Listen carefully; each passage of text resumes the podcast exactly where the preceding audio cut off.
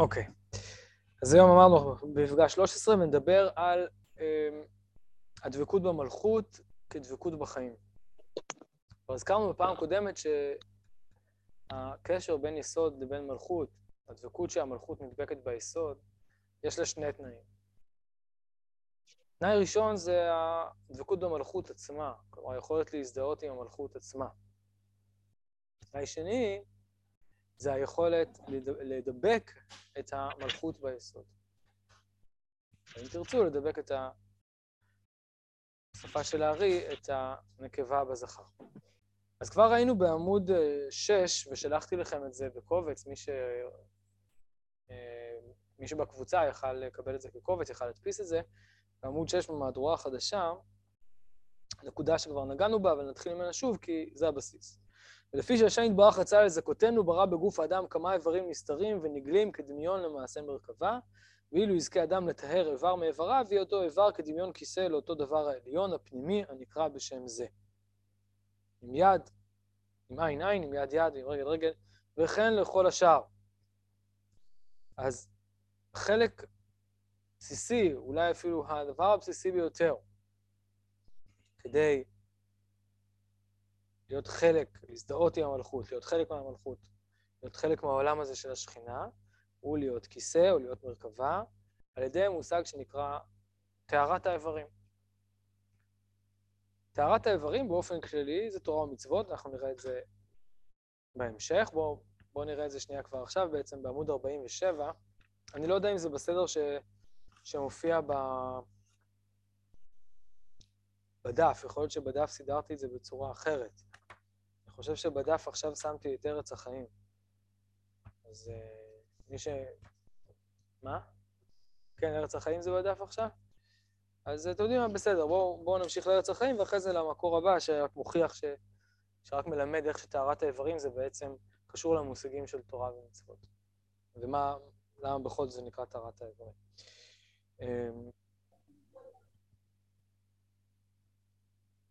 אוקיי. והנה בהיות, אז אני בשער א', בעמוד 33.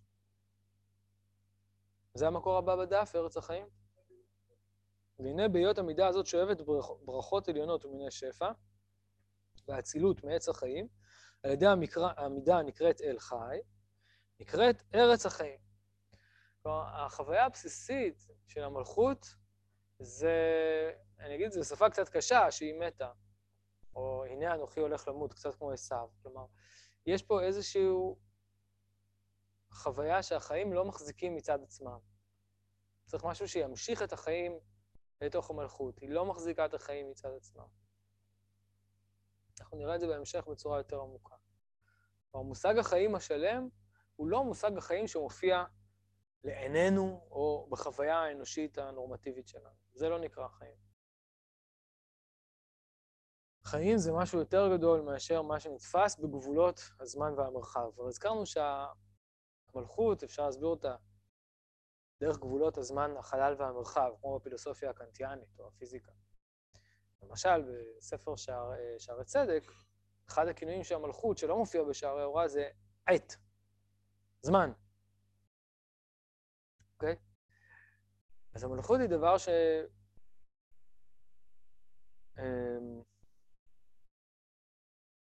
אז אני חוזר. אמ, המושג של החיים, במקורו, הוא מושג הרבה יותר גדול מגבולות הזמן והמרחב. זו דוגמה פיזיקלית. הוא גם הרבה יותר גדול מגבולות הסובייקט. ולכן כל מה שמחיה את מושג הגבול הוא משהו מעל הגבול. אנחנו מרגישים שהחיים זה הגבול, אבל למעשה מה שיש בחיים הוא זה שהגבול יכול להתקיים כגבול, כי הוא מקבל חיים ממשהו שהוא מעל הגבול. אז כאשר יש דבקות, אני חוזר, מסביר את המשפט שקראנו עכשיו, כאשר יש קשר בין מידת אל חי, כלומר, בין היסוד, בין היסוד לבין, ה, אה, לבין המלכות, אז אה, אז המלכות הופכת להיות ארץ החיים. אז ארץ החיים, המלכות הופכת לארץ, אבל ארץ שיש בה חיים. ארץ כשלעצמה גם מייצגת מושג של רצון, אבל ארץ החיים זה רצון שסופוג בחיים עליונים. ועכשיו תראו מה הוא אומר, והמתים הנקברים בארץ המיוחדת לה היא חיות תחילה. וכל עושה טוב ושומר תורה ומצוות, הנה שימו לב שזה אה, קשור לטהרת האיברים, עוד רגע הוא יגיד, ונדבק במידה הזאת על ידי טהרת האיברים, כמו שהודענוך בהקדמה, נקרא חי גם אחרי מותו. וזה דבר מטורף. למה? כי אנחנו מסתכלים על מושג החיים בתוך הגבול, ולכן שיש הפסקה או פריצה מסוימת של הגבול, לצורך העניין, אדם עזב את החדר, אז הוא מת. נכון? אצל ילדים קטנים, כשעוזבים את החדר, הם בסטרס, כי זה כמו מוות, הם לא יודעים שיש חיים אחרי הדלת. בסדר? מכירים את ניסוי, ה... הניסוי הפסיכולוגי, שאימא, ניסוי attachment המפורסם של בולבי, בסדר? שאימא משאירה את הילד ויוצאת, ועם הילד, קליין, מלאני קליין תגיד על זה שיש ייצוג של האימא. כלומר, למרות שהאימא הפיזית לא נוכחת בחדר, אבל יש ייצוג של האימא בתודעה, ולכן היא כביכול לא הלכה. במובן הזה, אין צער, אין לחץ. עכשיו, דבר דומה, כשאדם חי בעולם הזה, הוא חי בחדר. ונראה לו שמי שעוזב, אז... אה, כן, עוזב לבלי, לבלי שוב כביכול. אבל מה שמחזיק את היכולת לראות מעבר לדלת, זה לאו דווקא שמישהו חוזר. כמו שהילד בחדר, הוא לא נרגע רק אחרי שהוא ראה כמה פעמים, דרך הניסיון, שאימא יצאה וחזרה, יצאה וחזרה. יכול להיות שזה היה לפני זה, אני לא יודע, זה לא הנקודה עכשיו. אלא בגלל שהוא יצליח להחזיק ייצוג, ולפעמים הייצוג הוא גדול מהדבר בעצמו. לכן הזוהר אומר שצדיקים חיים יותר אחרי שהם מתים. למה? כי מרחב הקיום שלהם הוא הרבה יותר גדול מאשר הגבולות של העולם הזה. אז זה מה שהוא אומר פה, שהדבקות במידה הזאת, דהיינו במידת המלכות, על ידי טהרת האיברים, אז היא מושכת את החיים. וזה חיים כאלה שהם לא מוגבלים, זה החיים בעצם. החיים כהגדרה מהותית הם לא חיים כאלה שיכולים למות. הם מושג של חיים, הם מהות של חיים, הם לא דבר שיכול להיפסק. בסדר? ולכן, ולכן החיים, אלוהים גם נקרא חי, אל חי בקרבכם. אלוהים חיים. אז המשכה ממידת החיים זה המשכה מהממד הזה לממד המצומצם וה... שדור... שדורש להתחיות הממד שלנו. וסימנך ובניהו בן יהודה בן איש חי רב פעלים. וכתיב חי וקרין חיל ושניהם אדוקים זה בזה. אני לא אסביר את המשפט הזה, אני אמשיך. והנה כל הדבוק, הדבוק במידה זו זוכה לחיי עד. אין פה הכוונה שהוא לא נקבר, לפני שנייה הוא אמר את זה, אלא הכוונה שהוא קשור לממד של המושג חיים. וסימנך ואתם הדבקים בהשם אלוהיכם, חיים כולכם היום. ומה, ולפני היום הם לא היו חיים? רק, רק עכשיו שהם דבקים הם חיים? אלא מה? שהדבקות במידת המלכות, ומתוך כך דבקות במידת היסוד, שהיא מידת החיים, המלכות כשלעצמה אין בה חיים, כפי שאנחנו חזרנו ונסביר את זה עוד, אז מחדש את מושג החיים בתוך המלכות. עכשיו הוא אומר משהו קצת פרובוקטיבי. ומה שדרשו חז"ל בפסחים, וכי אפשר או לאדם להידבק בשכינה? חז"ל במסכת פסחים הקשו על האפשרות של האדם יכול, יכול להידבק במידת המלכות. הם אמרו, וכי אדם יכול להידבק בשכינה? ופה הוא הולך להגיד משהו שהוא אה, קצת רדיקלי, אבל אפשר להסביר את זה בכמה אפשרויות, אז אני אסביר את זה כדרכי קודם בצורה רדיקלית, ואחרי זה אה, אולי לא. וכי אפשר לאדם לדבק בשכינה? הכל אמת ולמידותיו באו. אני חושב שהמילה היותר נכונה, הגרסה היותר נכונה בכתב היד זה למדרש באו. כלומר, הוא בא להגיד שמה שאמרו חז"ל, הם... זה אפשרות של מדרש, אבל באמת אפשר להידבק. הם רצו להגיד איזה רעיון מדרשי, אבל באמת אפשר להידבק. אפשרות שנייה, להגיד למידותיו, הכוונה הם התכוונו לאותו דבר. שמה שאנחנו קוראים מידות, כמו שראינו בהקדמה, האיברים והמידות, בסדר? שקראתי עכשיו בעמוד 6 אצלנו, לזה התכוונו חז"ל. אז הוא הולך להגיד משהו שלא פשוט בחז"ל. מי שרוצה על זה עוד מראה מקומות, יש לזה גם אצל הרב קוק ועוד. אבל בכל מקרה, אמר השם יתברך את השם אלוהיך תירא אותו תעבוד ובו תדבק. הוא אומר אותו תעבודו ובו תדבקון. הוא אומר, ואתם הדבקים בהשם אלוהיכם. כל זה ראיות שאכן אפשר לדבוק באלוהות. אז אה, מה נעשה עם זה שחז"ל אמרו אי אפשר אה, להידבק אה, בשכינה? ודע ואמן כי יש עניין בסוד צורת טהרת האיברים שאפשר לו לאדם להידבק בשכינה. אז בסדר, את חז"ל נתרץ. הפעם אני לא אתעסק בתירוץ של חז"ל, רק אמרתי שתי אפשרויות להסביר את היחס לעולמי, למשפט של חז"ל, שלכאורה שוללים את מושג הדבקות בשכינה. והוא אומר, לא, לא, לא, אפשר, הנה, אתם רואים? אפשר. ואם היא אש אוכלה, כי זה המשך המדרש חז"ל, חז"ל אומרים, אי אפשר לאדם לדבק בשכינה, כי השכינה היא אש אוכלה, שזה הכוונה דימוי מופשט למשהו שלא יכול לקיים את הממד האנושי, כביכול נשרף. אז הוא אומר, אם היא אש אוכלה, כלומר, אם נלך על מדרש חז"ל, אז בסדר, היא האש שבה מתאדנים ומתפנקים הדבקים בה בנשמה טהורה, נקראת נר השם, וממנה הודלקה נר הנשמה, ובה דיבוק, דיבוקה ועילויה ותשוקתה, כמו שעדיין נבהר.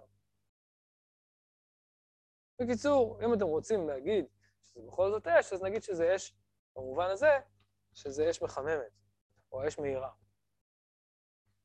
אז על ידי טהרת האיברים אפשר להשיג דבקות בשכינה, ומה שחז"ל אמרו, אז התירוץ אחד זה לומר, הם התכוונו להתנהגות מוסרית ראויה, ולא לדבקות ממשית, ואנחנו מדברים על דבקות ממשית, שזה דרך האיברים, או בדרך אחרת, יש כמה אפשרויות לתרץ את חז"ל. לכן אומר, הכל אמת. יש צד כזה, יש צד כזה. וממשיך ואומר שאכן יש ראיות לזה בפסוקים, והאש היא אש הנשמה. אז אם כן, יש לאדם אפשרות לחיות מתוך עמד הנשמה. נסביר. כלומר, הסברנו שלושת הממדים העיקריים, אני, אתה והוא, או נפש, רוח, נשמה. זה נמצא בשער ה', אבל כדי לא לקרוא הרבה, אז אני חוזר על זה עד שזה יהיה, יהיה ברור. עכשיו, אפשר לחוות את הנשמה והרוח בתוך הנפש. אפשר לחוות את הנפש בתוך הרוח, ואת הנשמה בתוך הרוח. אפשר לחוות את ה... לא יודע, לא יודע אם המילה חוויה היא נכונה, אבל בסדר, אפשר לחיות את הנפש והרוח בתוך הנשמה. כלומר, יש, ברגע שיש לנו שלושה ממדים, אנחנו יכולים לחיות אותם באופן מודולרי. דוגמה אופרטיבית לדבר. הנפש היא חיי התנועה, סרטי הנפשה. נפש זה מה שחי במובן של זז. זז או נח, כן? להינפש, פועלים בעברית, לנוח, לזוז. בסדר? אז הנפש היא מימד של תנועה שיש לה חיסרון, והיא מתמלאת, בין אם זו תנועה פיזית, בין אם זו תנועה של רעב, בין אם זו תנועה נפשית, לא מרגיש את הרגש שהוא רוצה להרגיש, וכן הלאה. והיא מאוד מאוד קשורה לחיי הגוף. יש את הגוף הפיזי ממש, ויש את הנפש שהיא ממש ממש מושפעת מחיי הגוף. עד כדי כך שאם עושים שינוי פיזיולוגי, אז יהיה שינוי נפשי. כל זה במד הנפש. זאת אומרת, אם אדם אכל איזשהו אוכל כבד, אכל סטייק, צ'ונט, שתה כמה בירות, לא יודע מה, הוא לא יכול לחשוב טוב. גם המצב רוח שלו יהיה כנראה שונה ממה שהוא אכל משהו אחר. אבל כל זה השפעה בממד הנפש, לא בממד הרוח. הרוח יש לה כבר תנועה למשהו שהוא מעבר להתפעלות שקשורה לגבולות המציאות, למשל הגוף, שתיארנו לפני רגע. למשל, אתם רואים בן אדם שהוא כולו, כולו דלוק מהדוקטורט שהוא עובד עליו. או רבא בגמרא שדימם ולא שם לב שהוא מדמם מתוך הלימוד. זה לא סזיפי, זה לא שהוא עינה את עצמו, אלא פשוט הרוח החזיקה את הנפש. זה דבר של חו... חוויות שבכל לא יודע אם כל יום, אבל לכולנו היה את החוויות האלה, בסדר? זה לא... ולכן אני רוצה לקרב את זה לדעת, אני רוצה לתת דברים שאנחנו מכירים. אז נכון, וזה עיקרון ש, שלדעתי הוא, הוא חשוב, שהרבה דברים שאנחנו לומדים בסוד, הם לא דברים שהם מעל ומעבר למה שקורה לנו באופן טוטאלי ומוחלט. הם קורים לנו, רק שלנו הם קורים במקרה, הם קורים מדי פעם, הם קורים בצורה מצומצמת וכן הלאה. ולכן צריך להבין אותם ולהפנים אותם, ואז הם קורים באופן יותר עמוק, וגם היכולת שלנו לחיות בתוך מרחב כזה היא גדולה יותר. אז אם כן, לפעמים אנחנו חווים חוויות שהנפש היא בתוך הרוח. זאת אומרת, אה, שתי, שתי, שתי הדוגמאות שהבאתי מאדם שהוא כולו, הוא לא שם לב שהוא רעב. וגם שימו לב, מימד הזמן, כפי שכבר אמרתי, הדגמתי במפגשים הקודמים, מימד הזמן נמתח קצת. הזמן כולל קצת את הנצח, בצורה מטאפורית. לא מאוד מאוד מוגבל לכאן ועכשיו, הוא לא מאוד מוגבל לקישקעסיות. הוא מרגיש שהרגע הזה הוא רגע גדול. אז זו דוגמה לחיים של הנפש בתוך הרוח, אבל יש משהו עוד יותר. שגם החיים של הנפש בתוך הרוח, אבל גם הרוח הזאת שבתוכה הנפש היא כבר בתוך חיי הנשמה. חיי הנשמה זה כבר משהו שעוד יותר קשה להסביר, מכיוון שהוא מקביל למימד הוא. מימד אתה, אני יכול להבין, אבל מימד הוא זה מימד יותר גדול. זה כבר מימד שיש לו כאין היקש. מה זאת אומרת? את, את המושג של האתה אתה פוגש. את הרוח לפעמים פוגשים בתוך החומר, כפי הדוגמאות שאמרתי. ואפילו ברמה טכ... טכנולוגית אפשר גם לדבר על שימור תודעה. בוא נניח שרוח זה תודעה, בסדר? לא, לא בא להגיד שכן, רק בשביל הדוגמה. אז מדברים על שימור תודעה. מה זה שימור תודעה, למשל? שימור תודעה זה ש... זה ש... שנייה אחת. אז, אז ממד הרוח אנחנו יכולים לקלוט אותו, בצורה כזאת או בצורה אחרת, בצורה מינורית או לא משנה. אבל ממד הנשמה, או הממד של האחר של האחר, ההוא, הוא ממד שדרוש לו היקש. זאת אומרת, כפי שאני פוגש את האחר, את האתה, אז נכון, האתה זה לא אני. אני כל הזמן אני. אני תמיד נשאר אני, תמיד נשאר אני, תמיד נשאר אני. אני לא יכול לצאת מזה. למרות שהיום עם קצת סמים אולי אפשר. אבל זה, זה חלק מהשאיפה. הרבה פעמים אנשים עושים את השאיפה הזאת של סמים, או כל מיני חוויות רוחניות אחרות, כדי לצאת מהאני. זה ניסיון של חוויה לצאת מהמלכות. היא נעשית בצורה מקולקלת. דרך אגב, גם פחד גדול. אנשים שמשתמשים בפחד גדול, עושים בנג'י וכזה, כן? מתעסקים עם המוות וכל זה, זה ניסיון רגע לצאת מגבולות האני, כדי להרגיש משהו שהוא רחב יותר. זה לא הדרך הכי נכונה, אבל הם מחפשים את אותו דבר בצורה גסה. אז את זה אני יכול איכשהו לפגוש, אבל איך אני יודע שיש משהו שהוא אחר בעצם? כי אותך אני פוגש מדי פעם, פעם בשבוע אני פוגש אותך, סבבה. אז אני יכול להבין שיש אתה, כן? כמו ההתפתחות של תינוק, שבהתחלה הוא חושב שהוא כל העולם, ואימא שלו זה רק אה, בקבוק גדול שמאכיל אותו, ו- וזהו, אין, אין, אה, אני, אין, אין, אין מלבדו, אין עוד מלבדי, כן? הוא כולו, כולו, כולו, כולו, ומגיע לו גם, כביכול. לכן מגיע לו, לא כי הוא אדם רע, אלא כי באמת אין מישהו אחר, אז לא, לא מבין בכלל את האפשרות ש... אבל לאט לאט מתפתחת התודעה, והוא קולט שיש מישהו אחר, בהתחלה בסדר הוא רק מבין שהמישהו אחר הזה הוא חייב להסתדר איתו, ואחר כך הוא מבין שהוא צריך גם לאהוב אותו, להתחתן וכן הלאה, ובסוף הוא מבין שהוא בעצם חלק מהרובד הזה. אבל זה עדיין האחר הקרוב. האחר הרחוק, זה הכוונה ששנינו, כלומר ששתי מערכות היחסים הם בתוך דבר הרבה יותר גדול. איש ואישה זכו, שכינה ביניהם, מעבר למערכת היחסים שיש ביניהם, יש משהו הרבה יותר גדול מהם, שמקיף אותם, שכולל אותם. זה ממד הנשמה. ובשביל זה צריך היקש. כלומר, צריך להבין שרגע, רגע, רגע, אם פגשתי מישהו שהוא מעבר לי, יכול להיות שיש את המעבר בעצם, אם תרצו את המעבר של המעבר. לא רק את המעבר שאני מבין, כי אני פוגש בו מדי פעם. והוא לא נוכח באני שלי באופן רציף, לכן אני מבין שיש מעבר לאני שלי. נשבר משהו מהטוטליות של האני. משהו שאני לא פוגש. אבל האתה, כלומר, הפגישה עם האחר, עוזרת לי לעשות דרכו את ההיקש. בלי פגישה עם האחר, אני לא יכול לעשות את ההיקש לזה שיש ממד של אחר בעצם. שהוא אחר ממני ומעתה וממערכת היחסים של האני ואתה. ואם בכל זאת רוצים איזה דוגמה לדבר, אז מה שאמרתי, בזוגיות, ההרגשה שיש פה יותר מסך ה... שהשלם גדול מסך החלקיו. אני ואתה זה עדיין אינטראקציה. היא יכולה להיות גם מוסרית, אני לא חייב אה, להגחיך אותה, כן? היא יכולה להיות משהו שמאוד מאוד משמעותי, לא רק אה, תן וקח. סבבה, הכל טוב. אבל זה עדיין אינטראקציה. כלומר, נשתמש בשפה הפיזיקלית, סך האנרגיה במערכת הוא חוק שימור אנרגיה. שעובר דרך פשוט אה, מעבר מצד אחד לצד שני, הכל טוב. אבל מה, האם יש משהו ש, ש, שהמערכת הזאת מתקיימת בתוכו? אנחנו לא באמת יכולים לתפוס את זה, כי זה מקיף אותנו.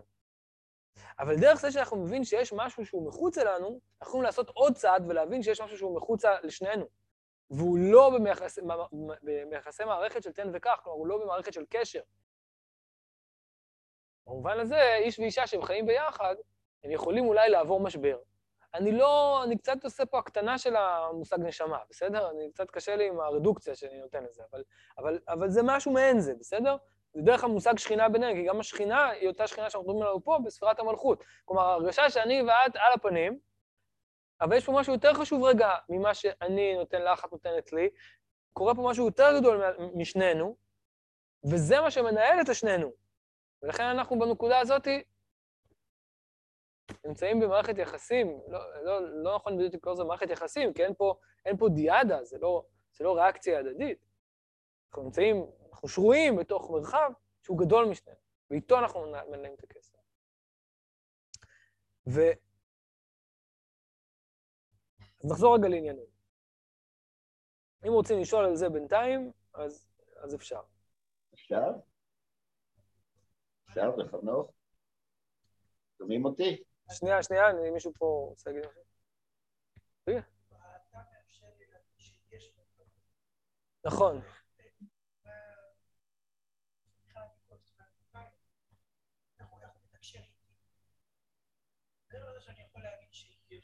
אוקיי, השאלה היא כזאת, האם, האם אתה דיבר, אני דיברתי על היקש, כלומר, שאני מבין מתוכי שיש משהו שהוא מעבר לאני ואת, או אני ואתה.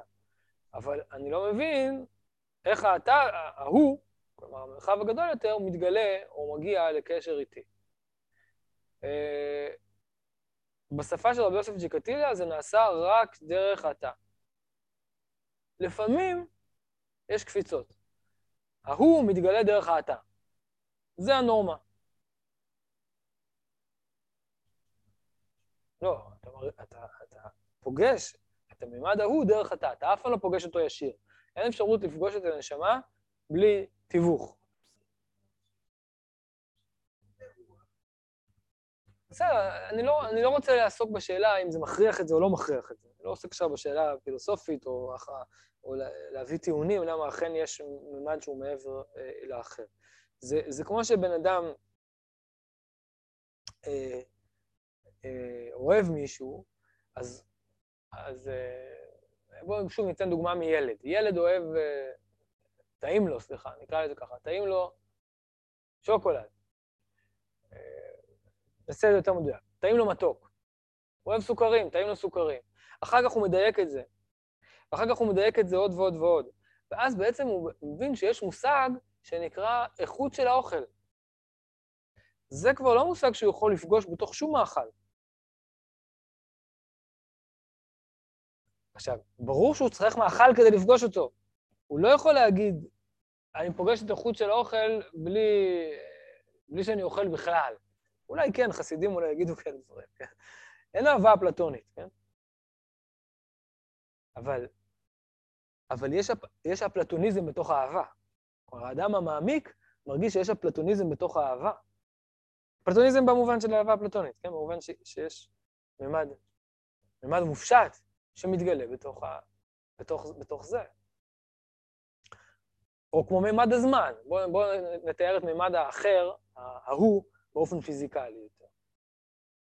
אתה יכול להסתכל על הזמן, לרגעים תבחננו. עת לכל זמן, ועת לכל, זמן לכל דבר, עת לכל חפץ, כמו שאומר קהלת, וזה מבחינת המלכות. יש רגעים, רגעים, רגעים. It's a good day to die, אמרו האינדיאנים. כן. יש זמן כזה. אלו רגעים בדידים. וחוויית הזמן של אדם בדידי היא, היא כזאת. למשל, הבח... הילד הצעיר שאימא יצאה מהחדר, כמו שאמרתי מקודם, או בחור צעיר שנכשל במבחן, חרב עליו עולמו, חברה שלו עזבה אותו, חרב עליו עולמו. אין חיים אחרי החברה. בסדר? כי, כי הממד בדידי. הוא גדל, ולאט לאט הזמן הופך להיות רציף. ואז הוא יכול להרגיש את האחר כך עכשיו. הוא גדל, והוא יכול להרגיש את האחר כך הטוטלי שמעבר לזמן. כלומר, לא את האחר כך שבא בעוד, לצורך הדוגמה, חמישה ימים, היום. יש רגע שכבר זה לא חמישה ימים, שבעה ימים, שמונה ימים, חודשיים, שנתיים, שמונה שנה. פתאום זה כבר לא כמותי. הקפיצה היא, היא, היא קפיצה, זה לא מעבר אה, מדויק, כמו המעבר מאני לאתה. אבל יש רגע שפתאום הכמות כבר לא משנה, אתה מבין שהזמן הוא לא רק הגדלה של טווח השרירים שלך להרגיש את הזמן באופן כמותי יותר רחוק. נכון? תשאל ילד קטן, קחו, תעשו ניסוי בבית, מי שיש לו ילדים. תשאלו את הילדים, האם אתם יכולים לדמיין את עצמכם, אה, נניח, קח ילד בן, אה, שיש לו כבר דעת, ילד בן 13, יש לו קצת דעת, נכון? הוא כבר עשה בר מצווה, יש לו קצת איזשהו דעת. האם אתה יכול לדמיין את עצמך בן 30? זה לא מאוד הרבה זמן.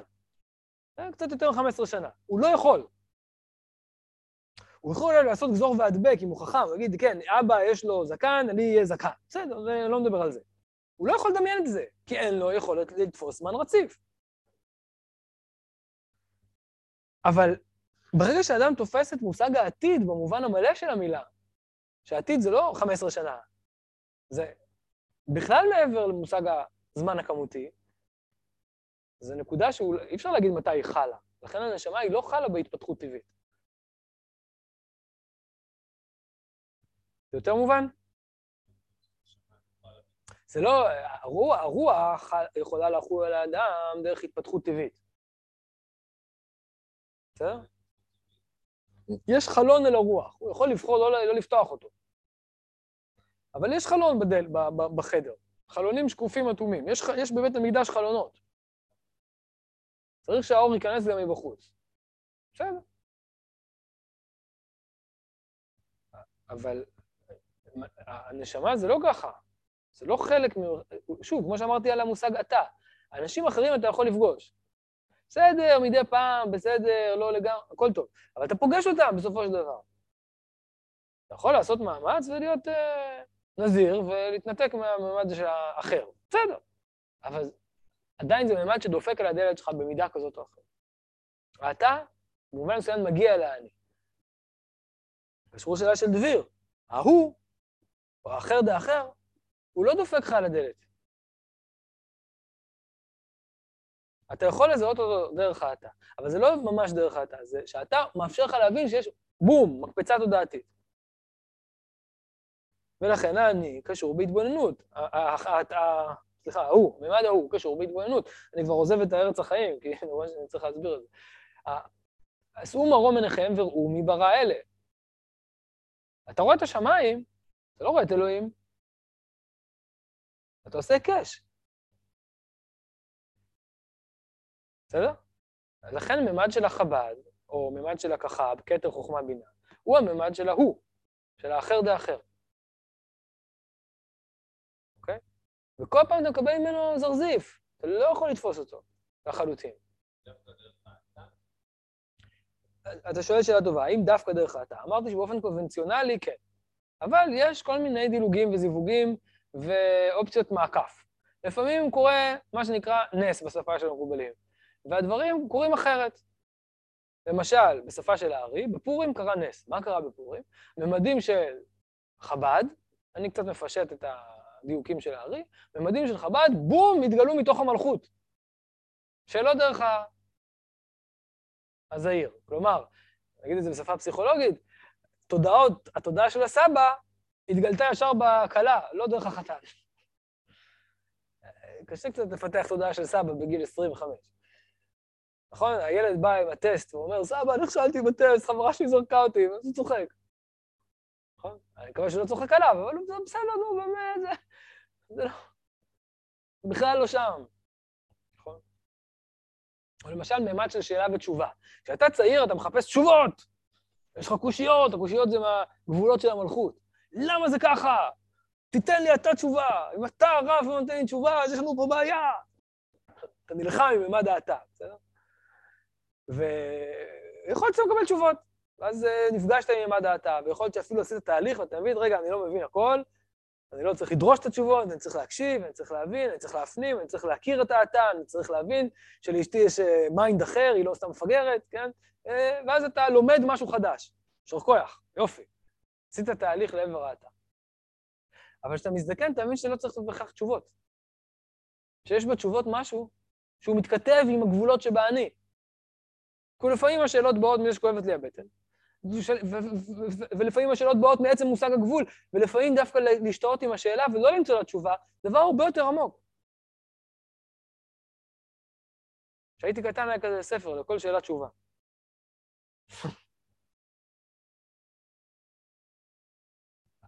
הזוהר אומר, יש אתר דקיימה לשאלה, מקום ש... איך לתרגם בקיימה?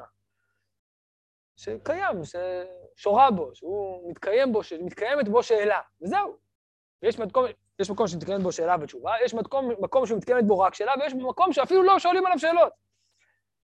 לא, לא הכוונה שמפחדים לשאול עליו שאלות, אלא שהוא מעבר למושג השאלה בכלל. למשל, ממדים של רצון, אין בהם שאלות. אתה לא שואל בן אדם, אתה אוהב גלידת וניל. למה אתה אוהב גלידת וניל?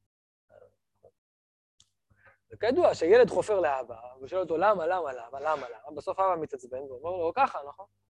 כי בסופו של דבר, בעומק, בעומק, בעומק, הכל הוא רצון חופשי. והמושג של הרצון זה מקום של להתחבר אליו, זה לא מקום של לשאול עליו שאלות. כי שאלה, יש בו גבול. יש בה איזושהי מסגרת של הנחת יסוד, מסגרת של תבנית, של שכל מסוים, נכון? זה לא שאלה. זה הבעת רצון. לא רוצה ללכת לבית ספר, זה הבעת רצון. לא, כמו אני, אני אוהב בנים. כן. אני אומר מה אני רוצה. נכון. לכן לא שייך לשאול על זה קושיות. לא קושיות, אבל יש מקום לחדד ולהבין. כן, יכול להבין, אבל לא במובן השכל. אין הסברה למה הוא לא רוצה. לפעמים כן, ואז זה לא באמת רצון. כי הוא מפחד מהמורה, זה לא רצון, זה רק... זה... היום, אנחנו, אנחנו, היום אנחנו קוראים לרצון, כל פעולה שבן אדם עושה נקראת רצון. בשפה של יסוד רצון זה לא פעולה שבן אדם עושה. זה מושג של בחירה, זה לא רצון, בחירה היא מתחת לרצון. נכון? דוגמה לדבר, רוב הדברים שאתה עושה הם בחירה. לא נעים לי לומר, אני אגיד את זה על עצמי, אבל אם, אם הייתי חי עד עד אינסוף, כנראה שלא הייתי מתחתן. למה? בוא נמצא עם עוד בחורה.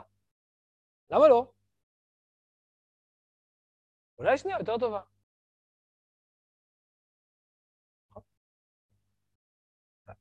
אלא מה? יש לנו ממד של גבול, והממד של גבול עוזר לנו לבחור. כלומר, מושג הבחירה, מושג הבחירה, ובתוכו מושג הבחירה בין טוב לרע, קשור לעץ הדעת טוב ורע, שלא למדנו אותו, שהוא החלק הקודם לארץ החיים, הוא קשור למלכות.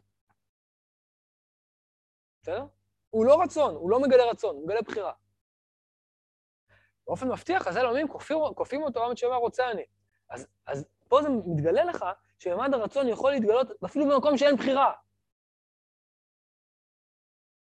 כי רצון זה ממד עצמי.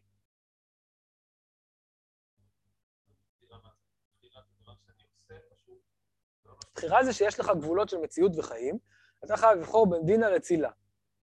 אין לך ברירה, אתה כבר בן 49. כן, אתה בן 49. אבל לא משנה, כל עולם העסקים, כל עולם החיים הוא כזה.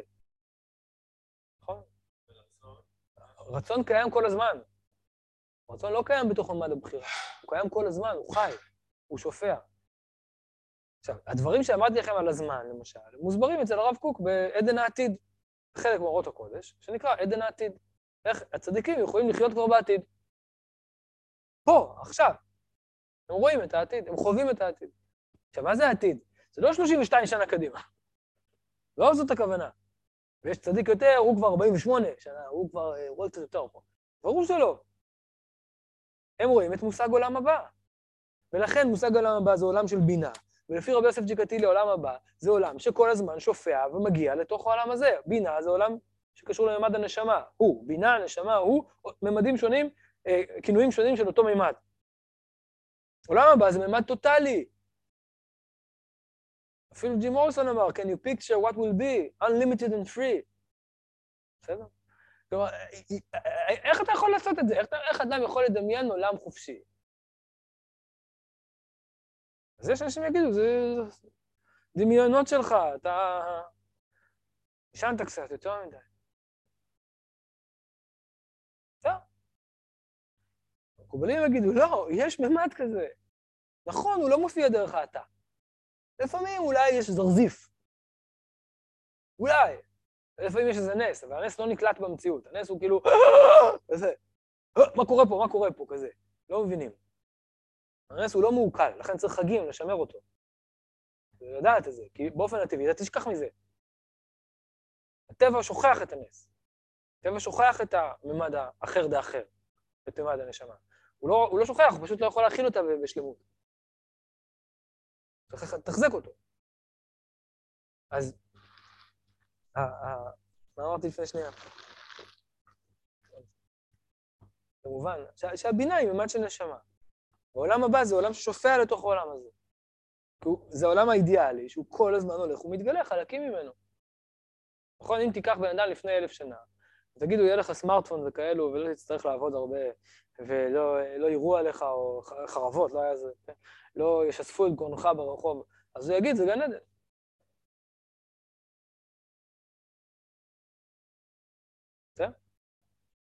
היום יבוא בן אדם ויתלונן. ובצדק. זה בסדר שהוא מתלונן, אין לי בעיה. כי המלכות עדיין פה. תמיד תהיה פה. הכל בסוף מתגלה במלכות. אנחנו לא יכולים לוותר על ההכרה הסובייקטיבית. אין מחוץ לזה. אבל היא יכולה להכיל, במידה כזאת או אחרת, את הממדים הבאים. אז הממד שלמדנו פה זה את ממד החיים. ממד החיים, או אתן לכם עוד דוגמה לזה, בתורה ומצוות. בממד המלכות, תורה ומצוות, זה מעשה. נתת צדקה? לא נתת צדקה. בממד הרוח, זה כבר אהבת הזולת, דברים מהסוג הזה. רצון לעשות טוב, ומעבר לשאלה עשית או לא עשית. המעשה הוא דבר, ואז אתה רואה שהמעשה הופך להיות קטן. כי אתה אומר, נו, מה כבר עשיתי? נתתי צדקה לאיזה עני, אבל יש עוני בעולם. אז אם אני אהיה מיליארדר, אני אפתור את זה. אבל בממד הנשמה, פה זה כבר קצת קשה להסביר, תחזיקו חזק, אתה רואה הרבה מעבר לעוני ולעושר. נכון? רבי עקיבא אומר, לא יחדל אביון מקרב הארץ. צריך לתת צדקה, אבל לא יחדל אביון מקרב הארץ. כלומר, העוני והעושר הם כבר ביחד, הם, הם בסדר. לא צריך אפילו לתקן אותם. כי התיקון שלהם הוא לא בהעברת אחד, כי העברת אחד מפני השני זה גבול. בסדר?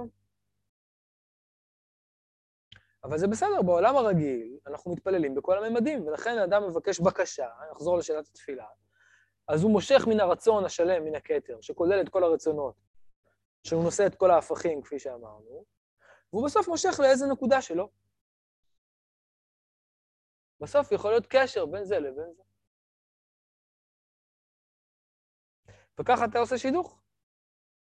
יש רומנטיקנים שחושבים שאתה התאהבת דווקא באשתך, ולא היית יכול להתאהב באף אחד אחר. נו, בסדר. יש לך יכולת להתאהב. הופה, הצלחנו לקחת את הממד הזה הגדול ולחבר אותו למשהו ספציפי, אפילו לספונג'ה. במקרה הטוב.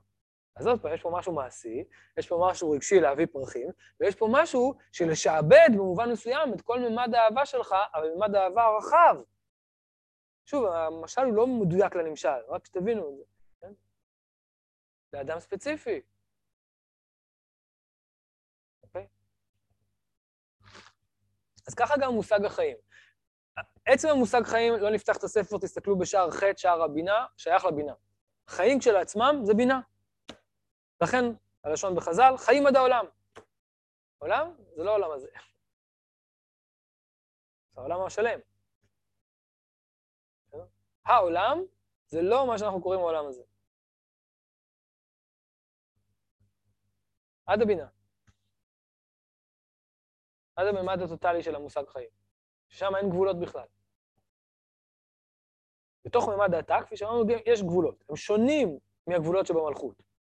הגבולות שבתפארת, מה שנקרא ו' קצוות, יש לה קצוות, זה התפשטויות, היא רחבה, היא מתפשטת, היא מפוארת, יש לה המון המון המון צדדים והמון המון המון המון דברים, אבל גם המון המון המון המון קסטות מסודרות על מדפים, זה עדיין משהו. בסדר? וגם לזה אנחנו אומרים לך. אוקיי? אתי אנקרי. שיר של אתי אנקרי, לא משנה. כאילו, השאיפה היא לבינה, רק אנחנו לא יכולים לפגוש את הבינה. שהבינה כשלעצמה היא מאגדת את החוכמה ואת הכתר. בסדר? אז החיים עצמם הם בבינה. ואם אדם נדבק, אז הממד הראשון של הדבקות זה טהרת האיברים. זה זה שהוא הופך להיות מקדש או משכן. כלומר, הוא מכין את הממד הגבולי הזה, שבתוך האופן של הממד הגבולי הזה, איזושהי אפשרות שהוא ייצג, הוא ישקף. תחזרו לשיעור הזה, שאני לא זוכר איזה מספר הוא עכשיו, על השיקוף, על הזה, כל מיני אפשרויות, דבקות, שיקוף. אה. אז יש, יש כמה ממדים בתוך זה. אבל כל האפשרויות האלה, הדבר הזה ישקף את ה... יוכל, יוכל לשקף את הממדים שמעל. ואז יכול להיות שתהיה התגלות, יכול להיות שלא. זה דרך אגב הסוד של נדב ואביהו. למה נדב ואביהו, למה החז"ל אומרים שהיה צריך מישהו שימות שם? זה נשמע נוראי, נכון? למה כדי שתשרה שכינה צריך מישהו שימות? כי צריך מישהו שזה, שהחיים נמצאים שם.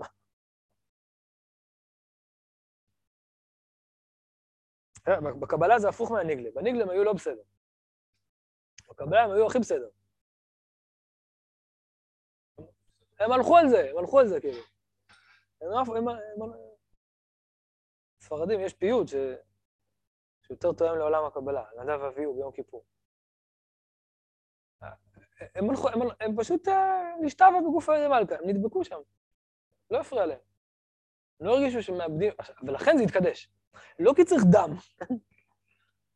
לא כי צריך פה קורבן, אלא כי, כי כדי לפתוח את השער הזה, היה צריך מישהו שיעבור אותו. בסדר? כמו נחשון קופץ ראשון. יש, אה, כולם עומדים מול הים, עושים חשבוינס. יש להם גבולות. אפילו חשבונות גדולים, כן? יכול להיות שיש חשבונות של רבנים. מצד אחד, ומצד השני, וזה, ופלפלו, ותוספות, ורש"י, אחד אמר, יאללה, שים. יכול להיות שהוא יהיה, הוא ידע, הוא לא קיבל שום הבטחה שהוא ישרוד את זה. אבל היה לו איזושהי תודעה שיש משהו שצריך לעבור אותו. ומה ששם יותר משמעותי, נקרא לזה ככה, ממה שפה. אה, בסדר, זה... נדב ואביהו גם קשורים לבינה. אה, יש לרב קוק מערכה שמסבירה למה, למה בכל זאת זה חטא, כלומר, שמשלבת את הנגלה עם הנסתר. היא אומרת שהם היו קשורים לבינה ולא לחוכמה. זה בתחילת אורות הקודש, כרך ב'. עכשיו, חלק ממה שאני מביא את ברוב המקומות זה מי שרוצה שיעיין, אבל יותר מזה, שלהבין שעולם הפנימיות הוא רחב. אפשר לעסוק בו דרך רב חוק, אפשר זה... אני מנסה לגעת בשורשים. נכון, זה קצת יבש אולי שנוגעים בשורשים, אבל צריך להתרגל לזה, ואז תוכלו ללמוד כל הדברים האלה ולהבין אותם. יותר לפחות. אוקיי, אז זה ארץ החיים. ויש פה בהמשך משהו של, אני לא אלמד איתכם, שזה ספר החיים, ולא שמתי אותו בדף, אבל אני אגיד עליו כמה מילים. גם ספר החיים זה כך. מה זה ספר החיים? החיים של האדם זה סיפור, והוא כותב אותו, אבל הוא יכול לכתוב אותו על החול, על הקרח. חיים זמניים. היום פה, מחר בקבר. שתינו, אכלנו, בסדר. זה סיפור החיים שלי. ואנחנו מבקשים בראש השנה, ביום כיפור, כותבנו בספר החיים, שהחיים שלנו יהיו חלק מהסיפור שלך, מהסיפור של הבינה, ואז זה, זה סיפור שנשאר. הגוף לאו דווקא יישאר. בסדר? אבל, אבל, אבל הסיפור נשאר. ואז הקדוש ברוך הוא כביכול קורא בספר הזיכרונות, והוא קורא על עדי ועל דביר. כי זה חלק מהסיפור שלו, כמו שקוראים, אנחנו קוראים על משה. לא בגלל שהוא היה סופר טוב. בסדר? אז עוד דוגמה למושג החיים, איך, ש... איך שאפשר למשוך חיים נצחיים לתוך המציאות של העולם הזה, או הפוך, להדביק את החיים. אבל זה קודם כל דורש את טהרת האיברים. זה נקודה ראשונה. טהרת האיברים, היכולת להזדהות עם המלכות, להיות, לעשות סדר, נקרא לזה, או טהרה, בתוך המצ... המציאות. המושג לתאר, הכוונה לפנות. או לתאר שטח בנוי, או, או בא הכהן ותיאר את הבית, בת... בצרת הבתים. לפנות. הכוונה להכין כלי, להכין מקום, להכין מקום שיכול להכיל בתוכו משהו שהוא מעבר לזה. בסדר? אז זה ארץ החיים. אחר כך יש את אל חי, דביר? אז בעמוד 44 בספר, במהדורה הזאת, אנחנו בשער ב', ו... מה? ואז... אה, ופה יש גם הסברה של זה בתוך התפילה.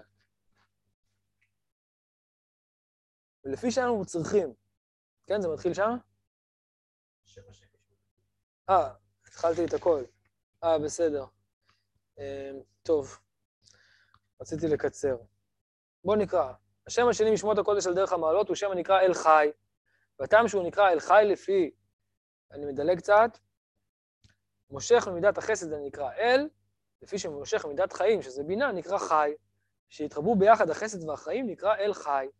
וכשהוא ממשיך הכוח הזה במידת אדנות, נקראת גם היא ארץ החיים. כלומר, הארץ שבה מתקבצים החיים העליונים. כוח זה מושך שם אדנות החיים בכל הנבראים, שזה החיים שאנחנו מכירים. אבל זה כבר חיים גבוליים, ולכן הם חיים שנמשכים מהמלכות, שזה עולם הפירוד, כמו שראינו, ומשם ייפרד והיה לארבעה ראשים, אם אתם זוכרים בהתחלה. וזהו סוד תוצא הארץ נפש חיה למינה. איך הארץ יכולה להוציא חיים? חתיכת אדמה, איך היא תוציא חיים? החידוש הגדול, שהארץ יכולה להתמלא בחיים, היא יכולה להיות דבר שפרה ורבה. אוקיי? אני מדלג קצת, כי אין לנו זמן. לפי, אה, איפה אני אדלג? לפיכך תמצא, יש לכם?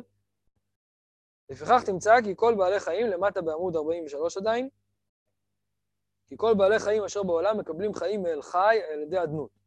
בעלי חיים פה זה לא הכוונה animals, זה הכוונה כל מי שיש לו חיים. לפיכך אנחנו שואלים בראש השנה, זוכרנו לחיים. עכשיו אתם מבינים אחרת את הביטוי הזה, זוכרנו לחיים. ויש אנשים שלא לא לפי סוד, הם יגידו, מה זה זוכרנו לחיים? היה לנו שנה טובה, ופרנוסה, ונחיה. שזה גם נכון. אבל זה נכון רק מהמלכות ומטה. זה משיכה של מושג החיים כפי שהוא בגבול. אבל כשאנחנו מבקשים משיכה של חיים, אנחנו מבקשים להיות קשורים לחיים במושג הזיכרון. מושג הזיכרון הוא. הוא חב"ד, הוא כחב, הוא מימד ההכרתי, הבינה. שתחשוב עלינו, אבל אם הקדוש ברוך הוא חושב עלינו, אז אנחנו קיימים באמת. זוכרנו לחיים. ולמי אנחנו מתכוונים? לאל חי ומגן, זה הנוסח שלו בתפילה, לא משנה עכשיו. ועל דרך זה יתבונן כי הרוצה להשיג חיי עולם, לא חיי שעה. חיי המלכות הם חיי שעה. ואמרנו כבר שהתפילה היא משיכת חיי עולם לחיי שעה, לחיות את השעה. כפי שאומר רבי יהודה הלוי, התפילה, גרעין הזמן הוא פריו. הרוצה להשיג חיי עולם, נדבק במידת אל חי, וימשיך לאדנות בתפילתו במידת אל חי. אם תרצו להגיד את זה בשפה של כוונת הבעל שם טוב, שה, שה, שהמציאות בעולם הזה היא אילמת, אין בה דיבור אלוהי. היא סתומה, היא אילמת, היא מבולגנת. וכשאדם מתפלל, או, ולכן יש את הביטוי לסדר תפילתו, כן? אז הוא מושך חיים לתוך הממד הזה, הוא מדבר את זה, הוא מסדר את זה, הוא מסדר את הרגשות שלו. אם זו תפילה עם כוונה, במובן הפשוט של כוונה, לא כוונות מקובלים, אז הוא מסדר גם את הרגשות שלו עם המילים שלו. אז פתאום נהיה איזשהו מבנה שמתאחד, ואז, הופ, נמשך חיים לרגע אחד לפחות. ובחב"ד עוסקים הרבה איך אפשר להמשיך את זה מחוץ לבית כנסת. איך זה לא ייגמר בשלוש צעדים אחורה. אבל לא נורא, גם אם זה נגמר בשלוש צעדים אחורה, זה עדיין הישג. נכון, פעם יותר, פעם פחות, בסדר, לא, לא צריך לבוא עם סטופר, העניינים האלה, למדוד את זה. אז זה חלק מהכוונות, והבעל שם טוב אומר, צריך לרחם על מידת המלכות. חלק מהכוונת התפילה, לפי הבעל שם טוב, זה רחמנות וחמלה על מידת המלכות, להמשיך לחיים. וימשיך לאדנות בתפילתו במידת אל חי. ועל עניין זה היה חושק ומתאבד דוד, והיה אומר, צמאה נפשי לאלוהים, לאל, חי. זה מושג הצמאון של דוד. ובהיות המידה הזאת נקראת אל חי נקשרת עם אדנות, כלומר, היסוד, אם תרצו, הספירה שמעל. אז יפ... אה, דילה, זה כתוב אצלכם? כן, פה זה הוא מדבר בממד הלאומי, הוא רק רוצה להגיד שזה גם קורה בממד הלאומי ולא רק בממד הפרטי. אז הפיקו ישראל כל צורכם וכולי וכולי, בואו, אני מדלג על זה. ולפי שאנחנו צריכים, שאנו צריכים, לקשור קשר, קשר הספירות והמעלות במידת אדנות. אנו אומרים בברכה הסמוכה לפסוקי דזמרה, הבוחר בשירי זמרה, מלך אל חיי עולמים, אין לו את היחיד, בסדר? זה, בנוסח שלו זה ככה. אז עכשיו אנחנו מסבירים, מכיוון שיש שם קשר בין, בין החטיבה שנקראת פסוקי דזמרה לחטיבה של, של, של ברכות, ברכות קריאת שמע, אז לכן צריך לקשור. ולכן מושג אל חי הוא קושר מימד אחד במושג שני. אני אסביר יותר עוד שנייה, אבל קודם כל את זה הבנתם? למה בברכת השתבח? פסוקי דזמרה הם הממד של המלכות, נכון? יש שם בלאגן, יש שם מלחמות. זקנים, נערים, איך המקובלים קוראים לזה? זמיר עריצים. שם אתה מתעסק עם העולם. אתה מברר את הדעת שלך בתוך העולם.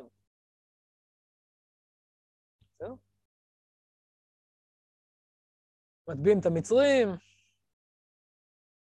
זה לא כזה, זה לא כזה רוחני, נקרא לזה ככה? זה החיים שלהם בלאגנים, החיים של המלחמות. שלא עשני, מה כן עשני, מה לא עשני, אוקיי? אתם איתי? בסדר. אבל אחר כך הוא... מה השאלה?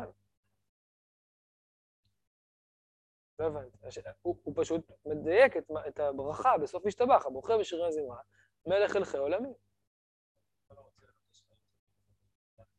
רגע, לא קראנו את זה עדיין. כל רוצה לבקש חיים וטובה, התכוון למידת אל חי. ובהיות אדם נדבק בשם אדנות בטהרה, זה טהרת האיברים, אז הוא נדבק באל חי. ועל זה נאמר שאתם חיים, ואתם הדבקים חיים. למה כל רוצה לבקש חיים וטובה? כי מושג החיים וטובה, במובן האמיתי שלו, הוא מעבר למידת המלכות. בסדר? למשל, הרב קוק מדבר על שמחה. אז הוא אומר, השמחה האמיתית היא שמחה כזאת שהיא מתעלה מעל גבולות העולם. כלומר, היא לא מתגברת על... באסה, אבל כמו שאומרים, מוכרחים להיות שמח. למרות שזה אורו אחים בלב שמח, אז לא נורא, בסדר. מוכרחים להיות שמח, בסדר? זה לא ככה. שאתה פשוט דבק במימד שהוא מעבר לעצבות.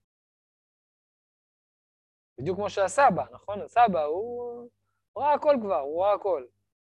מה אתה יכול להביא אותו? אז עוד פעם, לעניין התפילה. כל פסוקי זמרה זה בלאגן, זה מלחמה.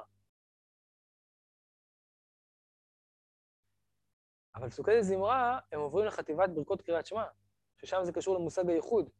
אני לא נכנס לזה, מדבר על זה הרבה, אבל לא עכשיו. אבל בגדול, זה קשור לממד אחר, לממד של יצירה, לממד של אלוהי. אנחנו פתאום מדברים על אלוהים, נכון? לא משנה, יוצר אור, לא משנה מה הוא עושה שם. אנחנו לא מדברים על מה שקורה בעולם במובן האנושי. המילים, אני מדבר פשט, פשט, ממש פשט המילים. פתאום אנחנו מדברים על משהו שאנחנו לא פוגשים. אנחנו פוגשים אותו דרך השמש והירח, דרך מושגי זמן מאוד גדולים, מאוד מופשטים, של יצירה, של פה, של שם. שאלה, רגע, אני צריך לקרוא את השאלה, לא הספקתי. כל הפנייה שלנו היא למלכות, הלא כן. זאת אומרת, פסוקי זמרה זה מלכות, אבל שאר הדברים נניח בינה, אם זה מחוץ למלכות, או שזאת הבינה שבמלכות. אני אה, צריך לדייק את השאלה הזאת. קודם כל, המילה פנייה היא מילה מסוכנת. אני לא, לא פנוי לדבר על מה זה פנייה. נקרא לזה מכוונות או מודעות. אה, כי אם פונים אל המלכות באופן שהיא מנותקת משאר הממדים, יש בזה קצת ממד של כפירה. רק, רק נגענו בזה, לא דיברנו על זה באופן מוחלט. אז נשים שנייה בצד את המילה פנייה. אמרתי שלפי הבנתי, בשערי הוראה, ויש לי הוכחות על זה, אני פשוט לא רוצה לעשות פה שיעור אקדמי, כל שאר הממדים מתגלים בתוך המלכות. אז כשאנחנו מדברים על בינה, אנחנו מדברים על בינה כפי שהיא מאירה בתוך המלכות. אנחנו לא יכולים באמת באמת לצאת מהמלכות ולהגיע לבינה. הארי אומר דברים אחרים. לכל מי שלומד קבלת הארי, אז כן.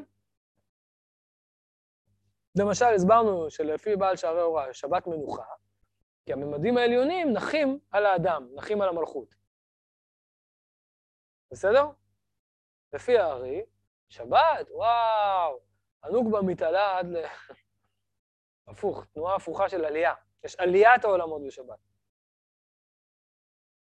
צריך אז להבין למה ארי אומר ככה, ולמה רבי יוסף אומר ככה, אבל... אבל בגדול, וזה קשור לשאלה שאתה שואל, האם הכל מתגלה בתוך המלאכות? התשובה לענייננו, כן. יש שיחלקו עליי, אבל יש לי ראיות. עכשיו, המלכות יכולה להתרחב, הסברנו את זה. חז"ל אומרים, עתידה ארץ ישראל שתתפשט על כל הארצות. זה לא הכוונה קולוניאליזם. יבואו הדתיים הקיצוניים, הלאומנים, המתנחלים, יגידו, אנחנו רוצים להתנחל בערב הסעודית, בסודאן, חייבים עכשיו לכבוש את סודאן. כמו הבדיחה הידועה, פה זה ארץ ישראל והוא יהודי, כן? מסתובבים בעולם וכל אחד זה. זה לא, זה לא הנקודה הזאת. אלא, או ארץ צבי, כמו שחז"ל אומרים, או מה שקרה בירושלים, שהיו בהם הרבה יהודים בירושלים, היה מספיק מקום לכולם. כי מה שקורה בתוך קודש הקודשים, שהוא ממד ארצי שיכול להכיל ממד אלוהי, ולכן אין בו גבולות, אין בו מרחב, הוא יכול להתפשט. הוא יכול לצאת החוצה. וזה לאו דווקא לימודי. פה אני קצת חסיד. זה גם קצת חסידי, כלומר, אתה יכול לבוא להיות עם הרב שלך ולקבל מהממד הזה, גם אם אתה לא מבין בדיוק איך זה עובד. אז, אז לכן יש ברכת אל חי במעבר בין פסוקי דזמרה ליוצר המאורות, מכיוון שאנחנו עושים פה מעבר, אנחנו קושרים קשר בין המלכות לבין ממדים של היסוד, או הממדים שמעל המלכות, נקרא לזה ככה.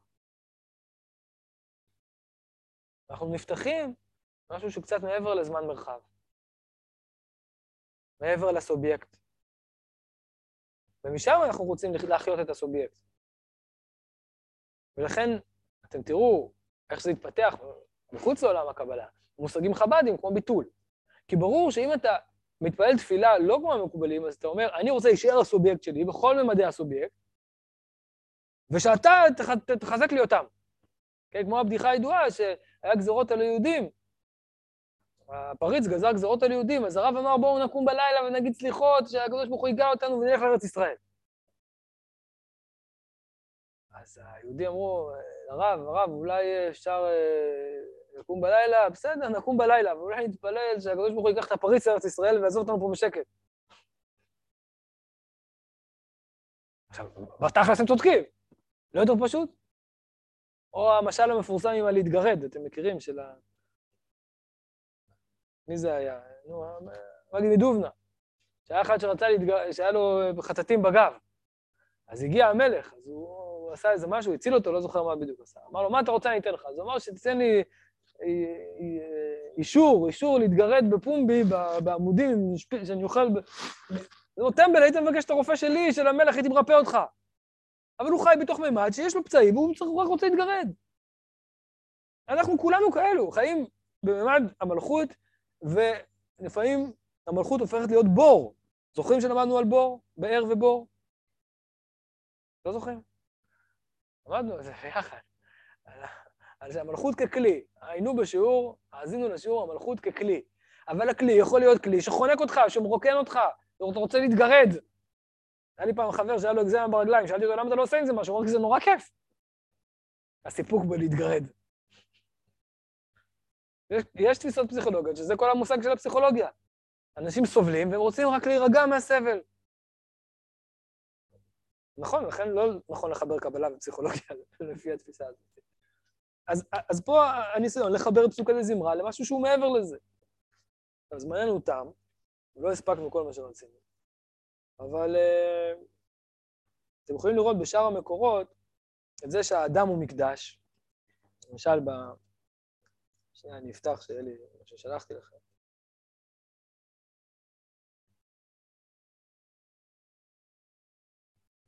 יכולים לראות אמ, אוי, זה מחבר לי את כל ה... כן. איך שיש איזשהו ממד של שיפוט, רציתי גם לדבר על ממד, ה... על ממד השיפוט, ולא לא הספקתי. כלומר, הקשר בין מידת אל חי למידת אדנות. חייב להיות בממד של שיפוט, וזה חלק, ולכן צריך את טהרת האיברים, ולעסוק בתורה ומצוות, ולהתנהג בטהרה ונקיות, וכל הדברים האלה. ואז אני קורא מה שכתוב פה, אז מידת צדיק מתפשטת ומתרחבת. היא נכנסת לתוך המלכות ומרחיבה אותה. ולכן כל ההכנות שעושים בתוך המלכות, הם כדי שהיא היא תוכל להימתח. תהיה מותאמת למשהו שהוא מעבר לה. בשפה פסיכולוגית, אתה יכול להקשיב, באמת. אתה יכול להקשיב כי אתה רוצה לנהל דיון, כמו פוליטיקאי, כן? בסדר, אני רוצה לדעת מה אתה אומר, כי אני צריך לעשות לך עסקים, אין לי ברירה. אז אמרת את זה, הבנתי, טוב, יאללה, בוא, ברטן. אתה יכול להקשיב כי יש, רגע, יש פה משהו שאני לא מבין שהוא מעבר לי ואני רוצה לספוג אותו לתוכי. ואז הכלי שלך באמת מתרחב. ואז גם אתה תדע שהבנת אפס משהו, אבל אף פעם לא הבנת הכל. כי לעולם לא תוכל להבין את השני עד הסוף. וזה קצת ממד של ההוא בתוך האתה. בסדר? חזרתי על דברים כדי להבין אותם יותר. אמ, כן. ובסוף יש הסברה גם איך אדנות זה בית המקדש. איך האדם הוא בית מקדש. ואיך המקדש מש... מצליח לשקף או להכיל כביכול משהו שהוא מעבר לו, שזה הכלה, במובן מסוים, פרדוקסלית. ועל זה לא הספקנו לדבר. אז תודה לכולם, נתראה בשבוע הבא.